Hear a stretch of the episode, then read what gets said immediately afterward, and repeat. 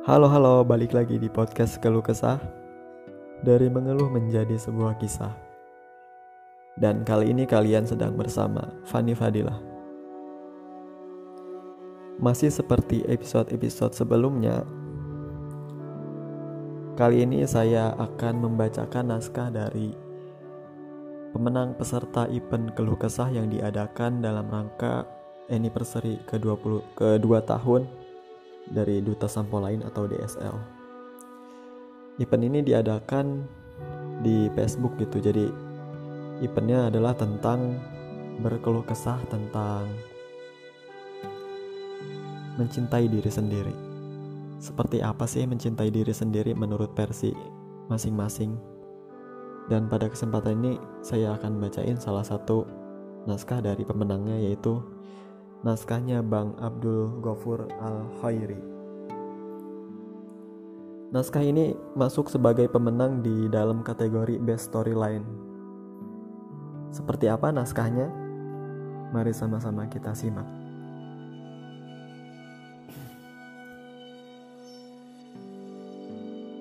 Belajar menerima takdirnya oleh Abdul Ghafur. Assalamualaikum teman-teman. Kali ini aku ingin menceritakan sedikit tentang masa laluku. Hal yang membuatku akhirnya sadar bahwa kekurangan yang aku miliki itu tak selamanya bisa dipandang sebuah kekurangan. Melainkan hal itu bisa diambil hikmahnya sebagai suatu kelebihan. Masa laluku dipenuhi dengan bullying Ya, masa laluku dipenuhi dengan bullying. Terutama mengenai fisikku.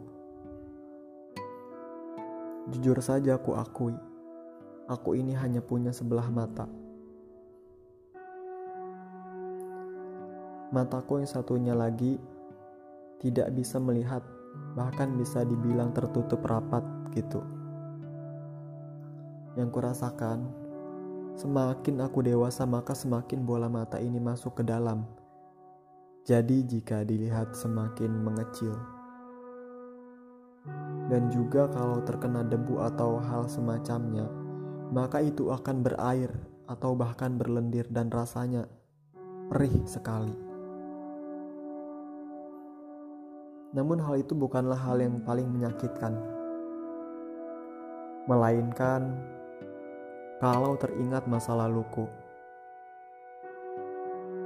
Ya, sebutan semacam Dajjal, Kakashi Saringan, itu sering aku dengar dari teman sebayaku semasa aku kecil. Mengejek tanpa dipikir terlebih dahulu. Bahkan dulu banyak orang dewasa pun yang menghina fisikku. Pernah karena aku sering ranking satu di sekolah dari mulai SD sampai dengan masa SMP ku. Ada kakak kelas yang bilang, Lu gak usah songong jadi juara satu terus punya mata satu aja bangga. Kalau gue jadi saudara lu, gue gak mau ngakuin lu sebagai saudara gue. Ucapan itu masih teringat jelas di dalam memori ingatan ini. Entah kenapa ada orang yang bisa dengan mudah mengucapkan hal seperti itu. Apakah karena aku juara satu di kelas itu merugikannya? Apakah karena diriku tak sempurna itu membuatnya bisa seenaknya menghinaku? Haha, terkadang dulu aku merasa dunia ini tak adil kenapa mereka mendiskrimini? Kenapa mereka mendiskrimini? Kenapa mereka mendiskriminasiku seolah aku tak layak mendapat perlakuan yang sama? Bahkan dulu juga beberapa saudaraku pun waktu aku pulang sekolah tak ingin mengajakku pulang naik motornya.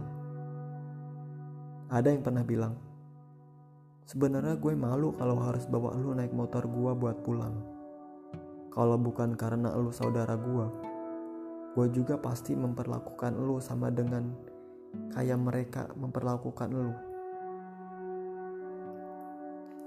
Sakit sih ya, apalagi hal itu adalah hal yang kamu dengar dari saudara sendiri, walau bukan saudara kandung. Masa kecilku dipenuhi dengan pembulian, terutama terhadap fisikku. Jarang sekali ada temanku yang mau membela atau hanya sekedar memberikan dukungan. Banyak dari mereka malah ikut-ikutan menghinaku. Hahaha. Namun, hal yang membuatku berubah sekarang adalah karena kedua orang tuaku.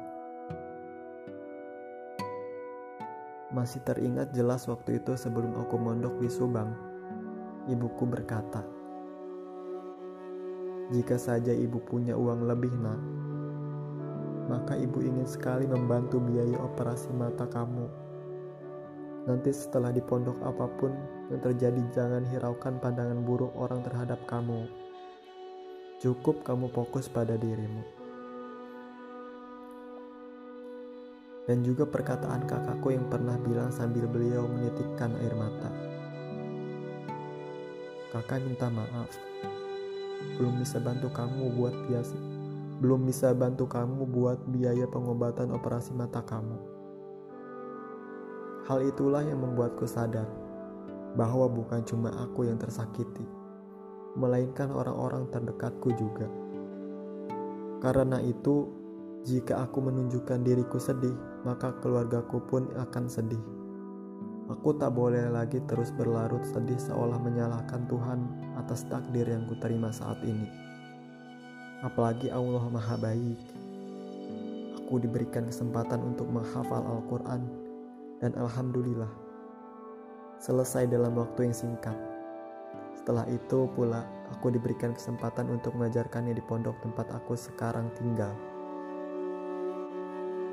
Aku sudah memiliki banyak murid karena itu, aku harus lebih dewasa dengan mencintai diriku sendiri. Menerima ikhlas segala bentuk takdir Tuhan dan menjadikannya sebuah kelebihan yang tak dimiliki orang lain. Walaupun aku terlahir tidak dengan memiliki dua mata yang sempurna, tapi setidaknya aku bersyukur Allah menuntunku menggunakan satu mata ini untuk berbaik kebaikan terhadap orang lain. Contohnya, dengan mengajarkan Al-Quran. Sukabumi 15 Januari 2022 Demikianlah naskah yang ditulis oleh Bang Abdul Gopur Al-Khairi. Mungkin lebih cocok dipanggil Pak Ustadz ya Masya Allah ceritanya dalam banget dan kita doakan teman-teman semoga apa-apa yang sudah diberikan oleh Bang Abdul Gopur berupa ilmu yang bermanfaat yaitu mengajarkan Al-Quran kepada murid-muridnya menjadi kebaikan yang akan membantu Bang Gopur di akhirat nanti untuk mendapatkan rahmat dan surganya. Amin. Buat Bang Gofur, terima kasih udah berani speak up, udah menceritakan kisahnya yang luar biasa ini. Terima kasih untuk berani bersuara. Terima kasih untuk berani berubah. Terima kasih karena ceritanya sangat menginspirasi. Semoga abang tetap semangat dan diistiqomahkan dalam mengajar Al-Quran. Masya Allah. Uh, buat teman-teman, terima kasih juga buat yang udah dengerin podcast keluh kesah kali ini. Saya Fani Fadilah, pamit undur diri. Dan jangan lupa buat dengerin podcast keluh kesah episode lainnya, yaitu masih tentang naskah dari event keluh kesah ini. Sampai jumpa di podcast keluh kesah episode yang lainnya. Podcast keluh kesah dari mengeluh menjadi sebuah kisah.